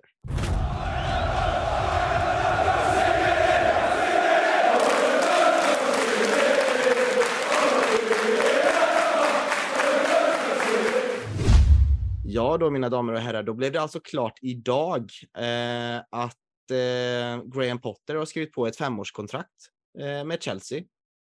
Och att han eh, tydligen ska vara supertaggad på den visionen som Bowley och Bali har sålt till honom om eh, vart man vill föra klubben. Och vi pratade ju lite om att eh, vi trodde ju inte att Bowley skulle vara trigger happy och eh, sparka Torshäll och att man skulle skapa en ny era här med, med eh, ja, en långvarig vision. Och eh, när Torshäll blev sparkad så kände man ju, nej, det, ni ljuger bara. Ni är lika trigger happy som Abramovic. Men i och med den här anställningen, Linus, så känns det väl som att nej, men nu, det här är kanske på allvar, för jag tror inte Graham Potter hoppar på ett sånt här jobb om han inte får några garanter serverade för sig. Ja, och Potter var det enda alternativet som jag såg eh, på tapeten. Och de tre som kom upp när det var Zidane, Pochettino och Potter så såg jag Potter det som det enda alternativet. För det är en yngre tränare som haft en raketkarriär som började i Östersund och gick vidare till Swansea. Eh, och sen har han ju gjort ett riktigt bra jobb för Brighton och tagit upp dem eh, till nya höjder och nu ligger de ju fyra, visserligen väldigt tidigt på säsongen, men eh, jag såg deras senaste match mot Leicester. Mm. Det var ett eh, lag med så mycket energi och så mycket frenesi i sitt spel så att jag jag satt faktiskt och njöt av Brighton. Det är inte alltid man säger det. Men det var ett lag som ja, men de bjöd på väldigt mycket, men även, även i premiären mot United. De spelar ju, eh, rullar ju sönder United. De spelar ut dem på ett sätt som det såg ut som att det var Brighton som var hemmalag. Mm. Och det var inte var ett kokande Trafford precis. Det var eh, bortafansen hördes högt och det var de välförtjänta den segern för de, de spelar fotboll på ett roligt sätt och offensivt och skapar väldigt mycket lägen. Och eh, det känns som att Potter kan nog lyckas och förhoppningsvis få ut mer av det offensiva, för det är det vi har saknat under Tusha som jag varit inne på. Det måste till mer mål. Och eh, jag tror personligen att Auba kan vara ett sådant alternativ. För jag backar vi bandet några år, när vi tog in Eto'o, så gjorde han ju väldigt mycket på den speltiden han fick. Mm. Och jag, jag älskade ju personligen när vi tog in Eto'o. För det är lite samma läge. Det är den här ålderstigna spelaren som ändå stod för poängen när han spelar. Får han hålla sig skadefri bara så tror jag att det kommer eh, mynna ut mycket poäng. Eller... Som, som, samtidigt har, vill ha något att bevisa kanske också. Det har ju de gemensamt. Ja. Exakt. Mm. Ja, ja, Brighton har ju haft en lysande säsongsinledning med eh, efter sex matcher så har de ju eh, 13 inspelade poäng.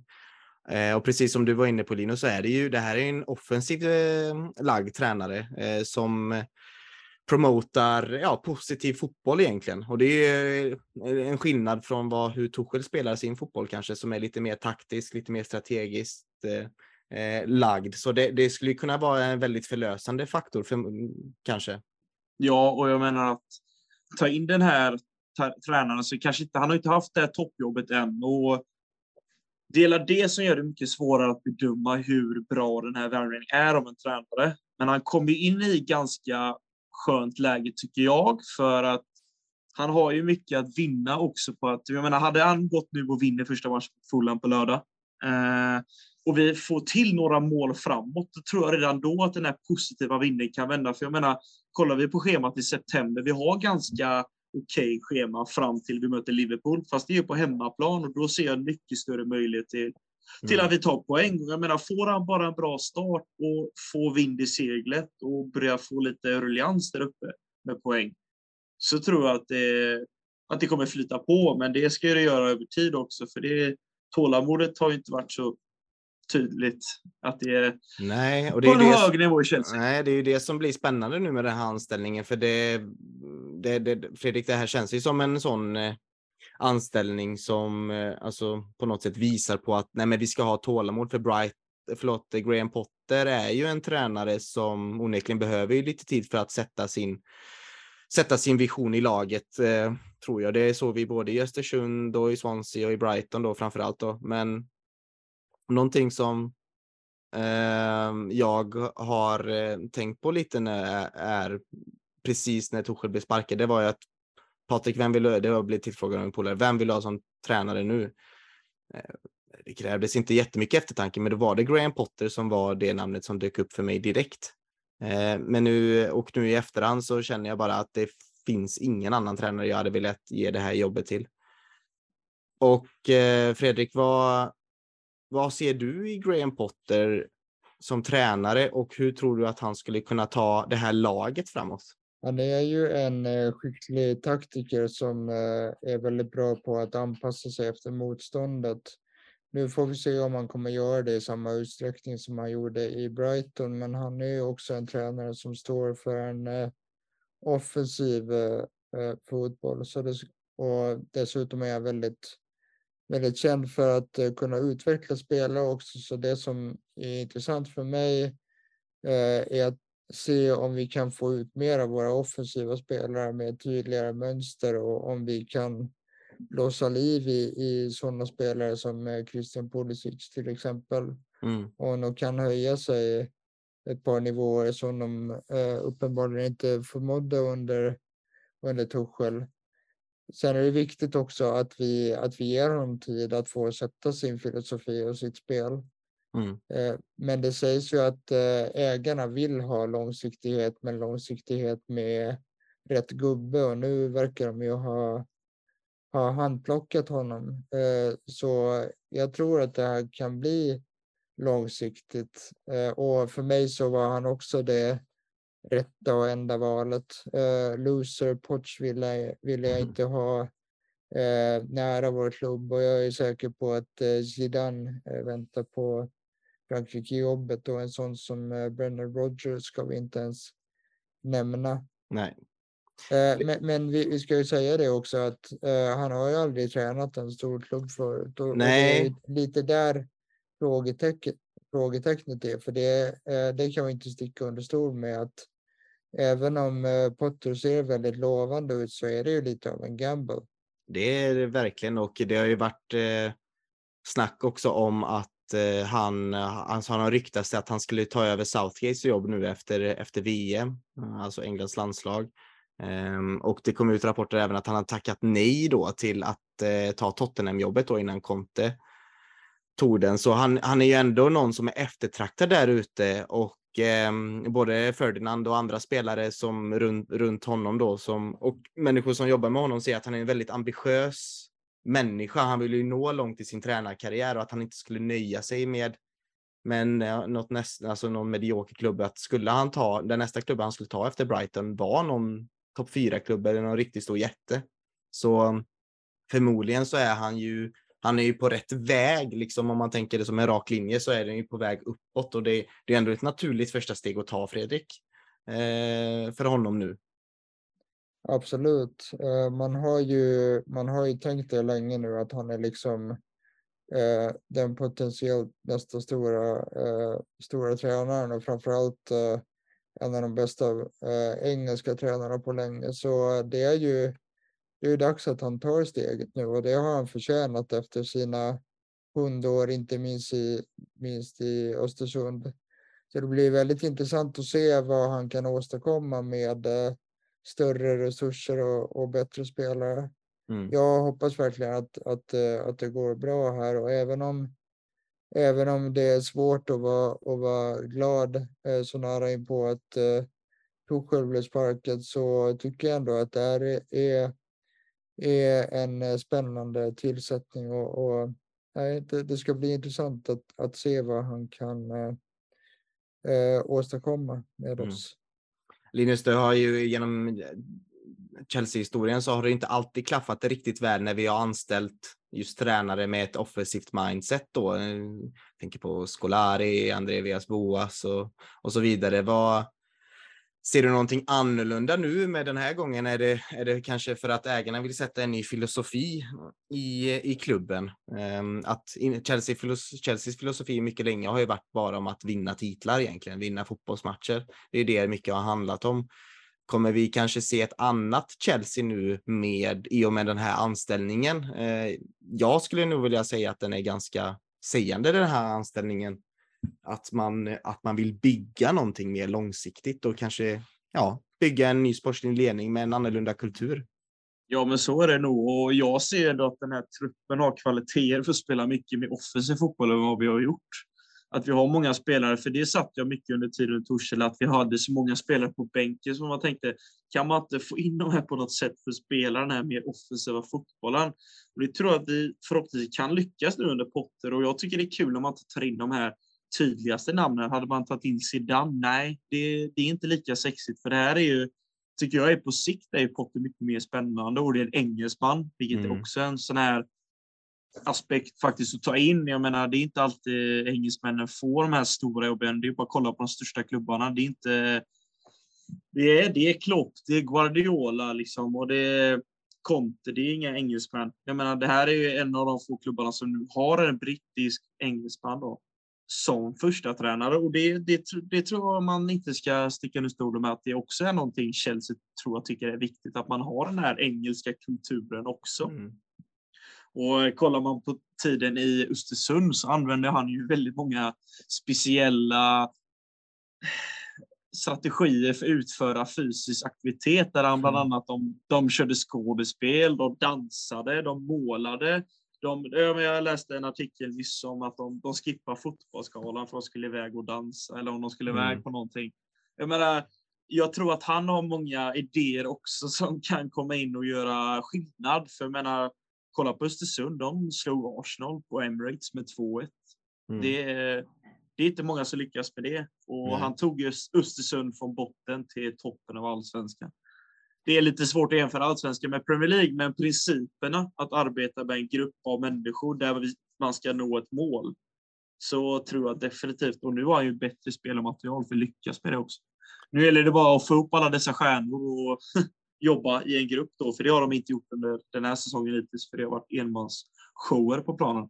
Mm, precis, och han tog ju även Brighton till en över topp 10-placering i Premier League förra året. Och allting, har ju, allting har ju pekat åt, åt rätt håll och hör man eh, intervjuer från eh, spelare som spelar för honom nu så säger de att det är, alltså de älskar ju att spela för den här tränaren och de tycker det är jätteroligt att gå till träningen, eh, säger de också. Och det är väl någonting vi, jag tror, vi behöver just nu. Det är väl det här att få någon. Jag, jag tror spelarna i vår trupp är för förändringen.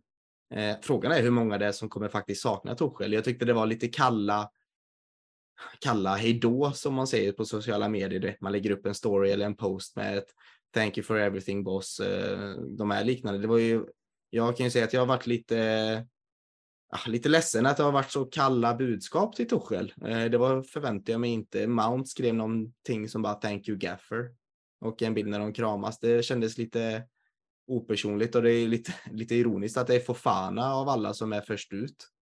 Den som kanske hade mest känslor i sitt avsked var väl Thiago Silva. Ja, jag vet inte riktigt om jag håller med om det. Jag, jag fick en annan vibe av de här eh, avskedsmeddelandena eh, ändå. Eh, och jag tror att, att det är en del spelare som kommer sakna Torshäll, men sen är det andra som definitivt inte kommer göra det. Jag, jag tror, jag tror att en sån som eh, Christian Pulisic till exempel är, är ju en, eh, en, spelare som vi eventuellt eh, kan, kan, få, kan få se på ett annat sätt nu. Eh, det hoppas jag i alla fall därför att eh, under under Torshäll så var han ju inte alls bra, vilket jag varit öppen med väldigt många gånger. Så det är ju det är ju som sagt möjligt att, att, uh, att många spelare förbättrar sig nu och helt enkelt lämpar sig bättre under en uh, offensivt uh, lagd tränare. Mm. Precis som Linus är inne på så, så vet ju Potter uppenbarligen hur man får ihop en grupp. Sen tror jag att det är lite, jag har lite svårt att se att han ska kunna sätta upp en, en pjäs med, med Chelsea. det, det kan jag inte riktigt se framför mig. Eh, se Thiago Silva och Aubameyang eh, dansa och skratta och spela skådespel. Men mm. eh, han kan eh, säkert ha en del innovativa idéer för att eh, få ihop gruppen igen. Ja. Och nu har ju... vad bra, eh, för bara sticka, fan Absolut. vad bra Michi, Michi Batshuayi hade varit som skådespelare, sån här jävla pajas. Det känns att han hade älskat och då hade han kunnat komma tillbaka från utlåning bara för att vara med på en teateruppvisning med Chelsea. Ja, han... en, en annan grej jag tycker att vi måste nämna är att eh, det är visserligen inte bekräftat än, men det vore ju faktiskt kul om, om eh, vi får Björn Hamberg som eh, assisterande tränare också. Det, ja, det ser ut som att han ska med, ja det, det vore ju stort med, med en svensk på tränarbänken i Chelsea, det måste man säga. Mm. Och eh, i och med detta så har ju egentligen den här feta övergången från Abramovic till Bowley ändå nått sitt slut här. Eller den har ju blivit fulländad. Så att säga. Nu har ju Bowley sina gubbar här. Nu får vi se vad han gör även på sportchefspositionen. Eh, det finns lite rykten där Fredrik? Ja, det verkar som att uh, det kommer komma in en uh, director of football ganska snart här. Det, det ska han ju ha, ha meddelat uh, Graham Potter. Och Potter har ju dessutom själv nu tagit med sig sin rekryteringsspecialist. så det är ju intressant att se vad för slags roll han får. vi ska ju nämna här också att att Chelsea i veckan gjorde sig av med eh, Scott McLachlan mm. eh, som ju har varit chefscout och varit bespottad länge så det kommer ju hända grejer där också. Eh, nu verkar det i alla fall som att vi inte får Michael Edwards. Så det återstår väl att se vilka namn som kan vara aktuella. Paul Mitchell har ju också mm. nämnts tidigare och Andrea Berta i Atletico Madrid men det, det ska onekligen bli intressant att se eh, vilka, eh, vilka anställningar som görs eh, på den eh, sportsliga sidan nu. Men eh, något annat jag, jag, jag kände också efter Tuchel-avskedet var att vi sportsligt sett var helt eh, eh roderlösa nu. Ja, slut. Det såg tomt ut. Så, som att vi saknade riktning liksom, för det var ju Tuchel i någon mån som stod, stod för den sportsliga kompetensen och utan en director of football och eh, en chefscout eller någon annan eh, fotbollsmässig kompetens så var jag rädd för att eh, vi skulle hamna i helt fel riktning. Men nu verkar det desto bättre som att det inte blir så. Eh, och som sagt ska det, eh, så ska det bli väldigt intressant att se vilken director of football kommer mm. in därför att den personen kommer ju ha en otroligt viktig roll i klubben framöver. Verkligen och jag tror ju inte heller Potter, jag menar om ni känner likadant där, men jag tror inte Potter är en sån som går till en klubb om man inte har vissa garanter då. Eh, så han vet ju onekligen mer än vad vi vet, men han bör ju ha fått det berättat av ägarna lite vad man har i, i kikan och vad man planerar för, för, eh, för klubben framöver och man har ju gått ut och sagt att det här, man har ju en fem till tioårig plan här med, med, med klubben, hur man, ska, hur man ska förflytta klubben framåt då. Och då verkar det verkligen som att Potter är en, central del här. Frågan är ju i och med att han inte fick en managerpost nu utan han fick en tydlig coachpost så, eh, så får vi ju se hur, eh, hur det här kommer te sig för det behövs ju in en sportchef ja, väldigt snart i alla fall. Det är inte långt kvar till ett vinter, vinterfönster heller.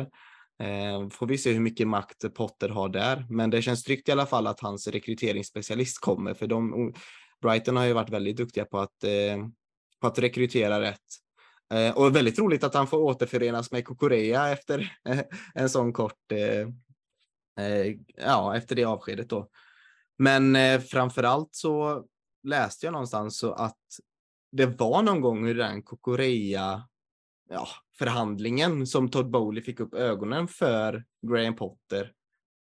Är det kanske någonstans där någon gång eh, tankarna har börjat för honom? Ja, det sägs ju att, eh, att eh, agenten hade blivit chockad över liksom hur, hur mycket Bowley visste om Potter och hans filosofi. Sen har det också spekulerats i om det kan vara så att att uh, Bowley hörde sig för lite med, uh, med Leicesters uh, ägare då redan under den här uh, omsusade uh, middagen som han uh, bjöd in alla execs till. Bra Bright vi... Brightons ägare menar du? Ja, precis. Ja. Så att, att de satt nära varandra och pratade om allt möjligt och att kanske, mm. kanske kontakten togs redan då. Ja, det, det är mycket möjligt. Men vad, nu Linus, nu har ju han fått sina gubbar Bowley. Nu är det ju hans klubb. Nu är det ju hans gubbe där. Tuchel var inte riktigt hans gubbe och det kanske, kanske var det helt enkelt. Han ville ha sin gubbe. Det, han ville inte att om Tuchel nu skulle lyckas, då skulle det ändå varit en Granovskaja och en Abramovic värvning. Nu får ju han verkligen stå för allt som är bra och dåligt i denna klubben.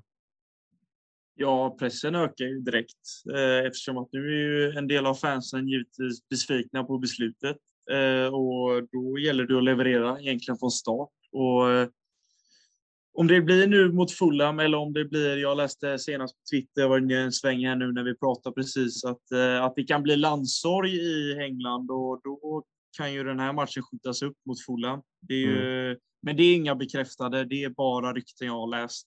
Eh, men det gäller nog att få bra start direkt för eh, börjar det svaja eh, för Potters spel och filosofi över längre sikt på den här säsongen så eh, kommer han nog få höra ett och annat Todd Bowley, tror jag.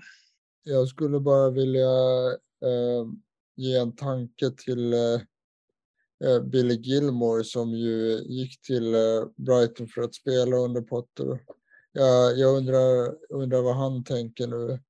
För eh, nu kommer ju Potter inte ens att, att få tillbaka Billy Gilmore vad det verkar som eftersom det inte eh, var någon, någon buyback clause. Eh, så jag undrar hur Billy Gilmore känner nu. Mm.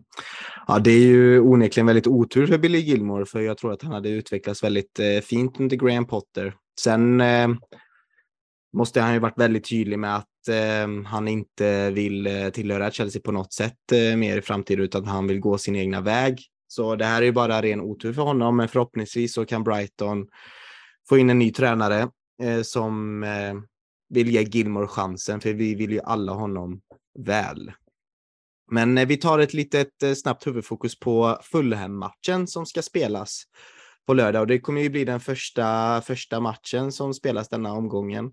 Eh, 13.30 ska den spelas, eh, lördag alltså.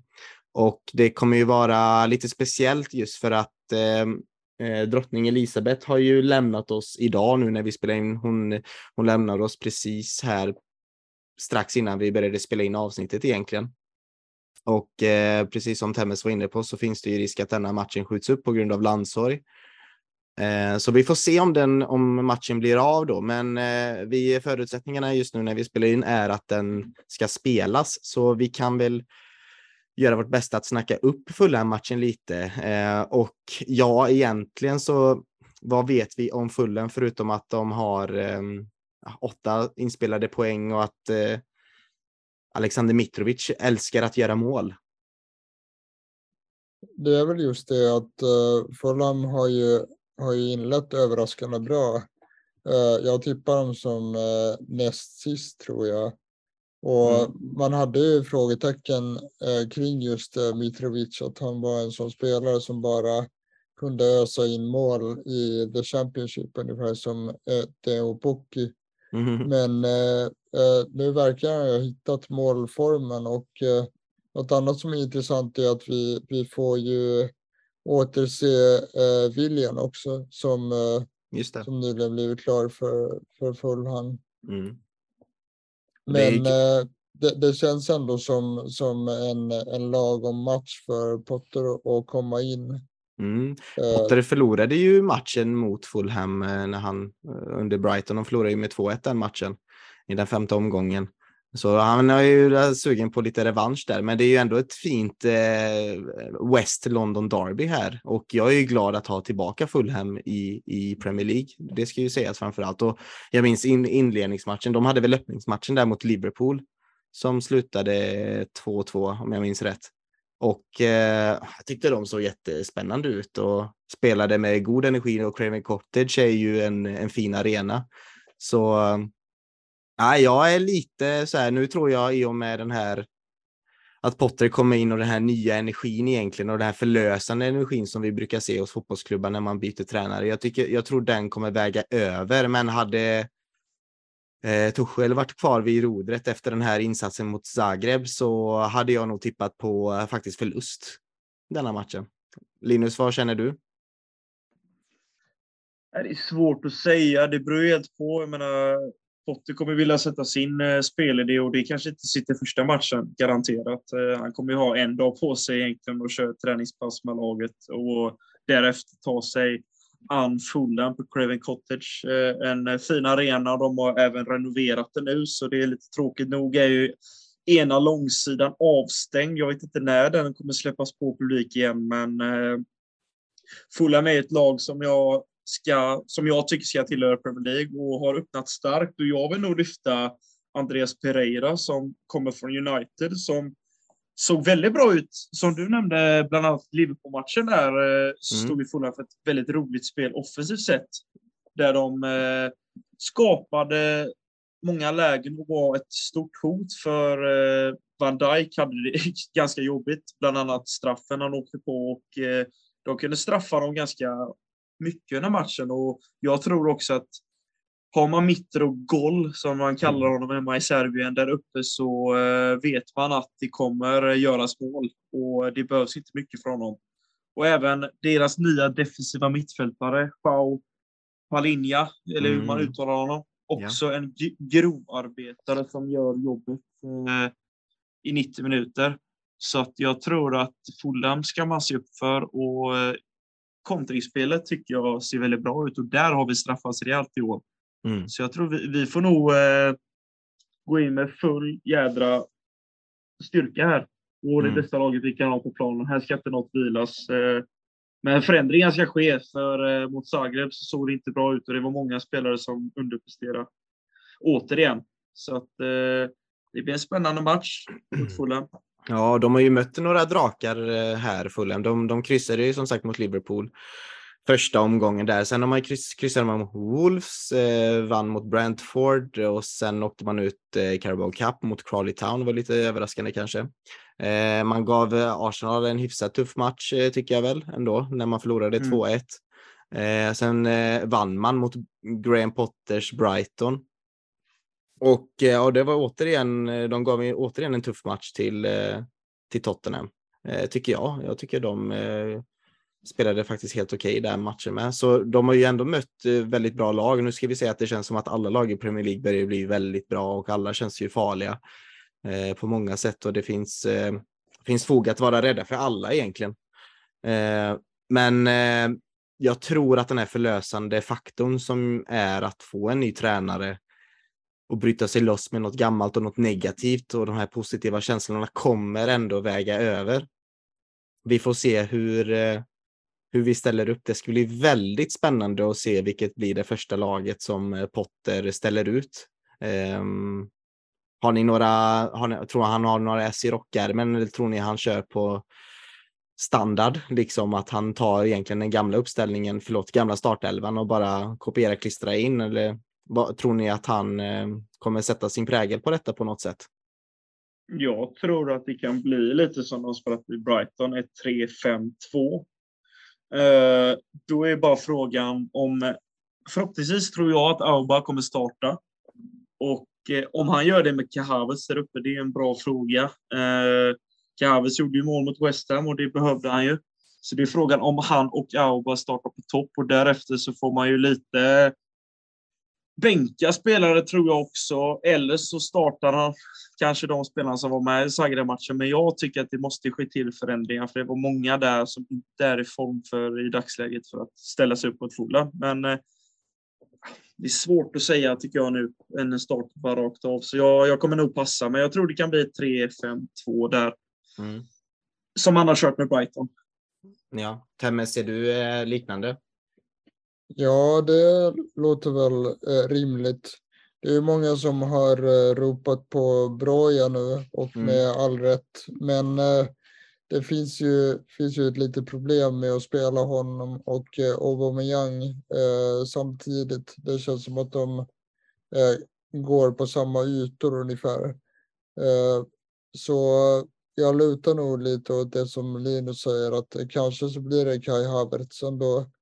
Han är, han är den, den eh, tydligaste eh, djupa forwarden så att säga vi har. Eh, dessutom så har ju Mason Mount varit väldigt ur form och svag här. Mm. Något annat som jag tycker är intressant är som sagt att se om vi kan blåsa nytt liv i Christian Pulisic och sen eh, undrar jag också om eh, Potter kanske kan hitta en lämpligare roll till en sån som eh, Conor Gallagher. Mm. Ja, det, det, ska bli intressant och det ska bli intressant att se om, om det blir Kokorea som får starta eller om Chilwell eh, får fortsätta förtroende. Jag tycker Chilwell, eh, man har nästan glömt av lite vad han eh, tillför när han är i bra form. Liksom. Han är en ypperligt bra ytterback och ja, det ska bli jättekul att se om han nu föredrar Kokorea eller om han, om han kommer ge Chilwell chans från start. Så det, det ser jag fram emot och sen också hur vi, ja, fortsätt.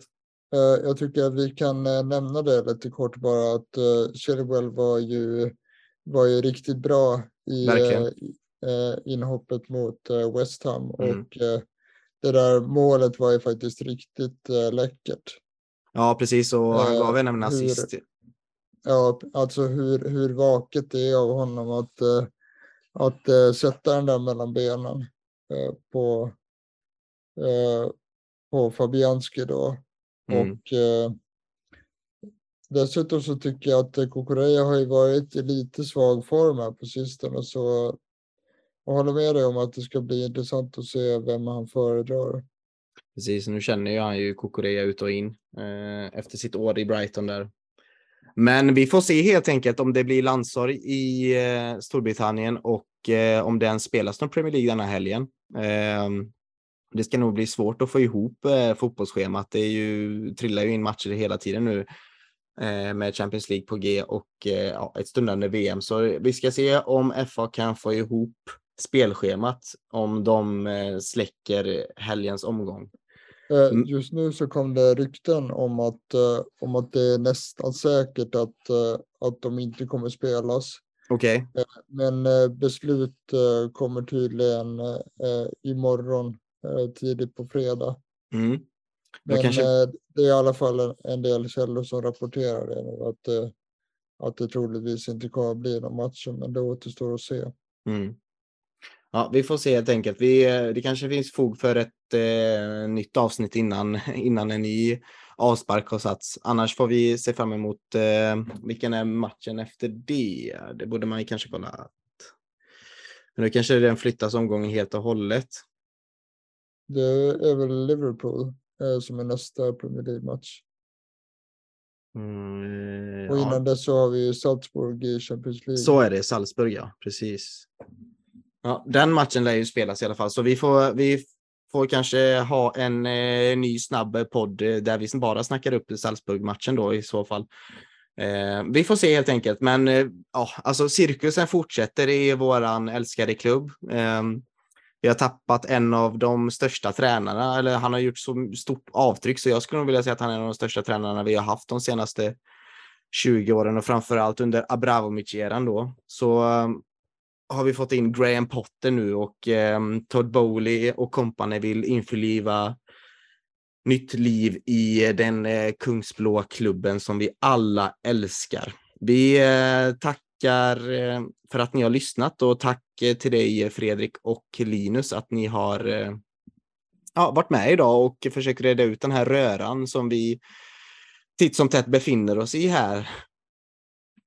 Ja, tack så mycket själv. Det är, det är så svårt att sammanställa och vad man ska tro om framtiden. För det sker mycket och det är alltid intressant att följa Chelsea för det finns fasen inte en lugn dag eller vecka eller sekund och inte man kan inte koppla av helt enkelt. Det, det går inte.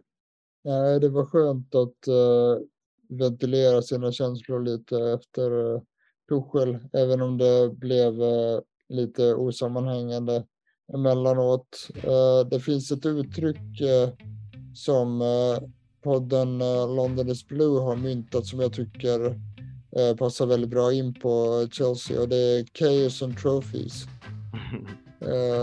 Men ja, upp på hästen igen nu och gäller att stötta eh, Graham Potter nu. Mm. Eh, vilket jag verkligen hoppas att vi, att vi gör. Men som sagt, eh, tungt eh, efter eh, Tuchels avsked och det, det var, det var eh, kul och nödvändigt och, och det var, det var, inte kul, men det var nödvändigt att prata om det. Ja, jag tror inte det sista ordet är sagt i den här sagan heller och eh, jag har fortfarande svårt, även nu efter vi har snackat ner detta, så har jag fortfarande svårt att acceptera att det faktiskt inte är så att han är tränare för vår klubb längre. Eh, det kommer att ta lite tid för att smälta detta eh, och framförallt att smälta den här ledningen då som jag inte är bästa vän med just nu. Eh, jag tror fler supportrar känner likadant, men du kanske som lyssnar kanske bara längtar tills vi blir av med Torshäll och ja, du har rätt till din åsikt. Men hoppas då att du är nöjd med den här anställningen. Och jag är i alla fall nöjd med den här anställningen med Graham Potter och jag önskar honom lycka till och välkommen till klubben framför allt. Och eh, ja, återigen tack för att ni har lyssnat.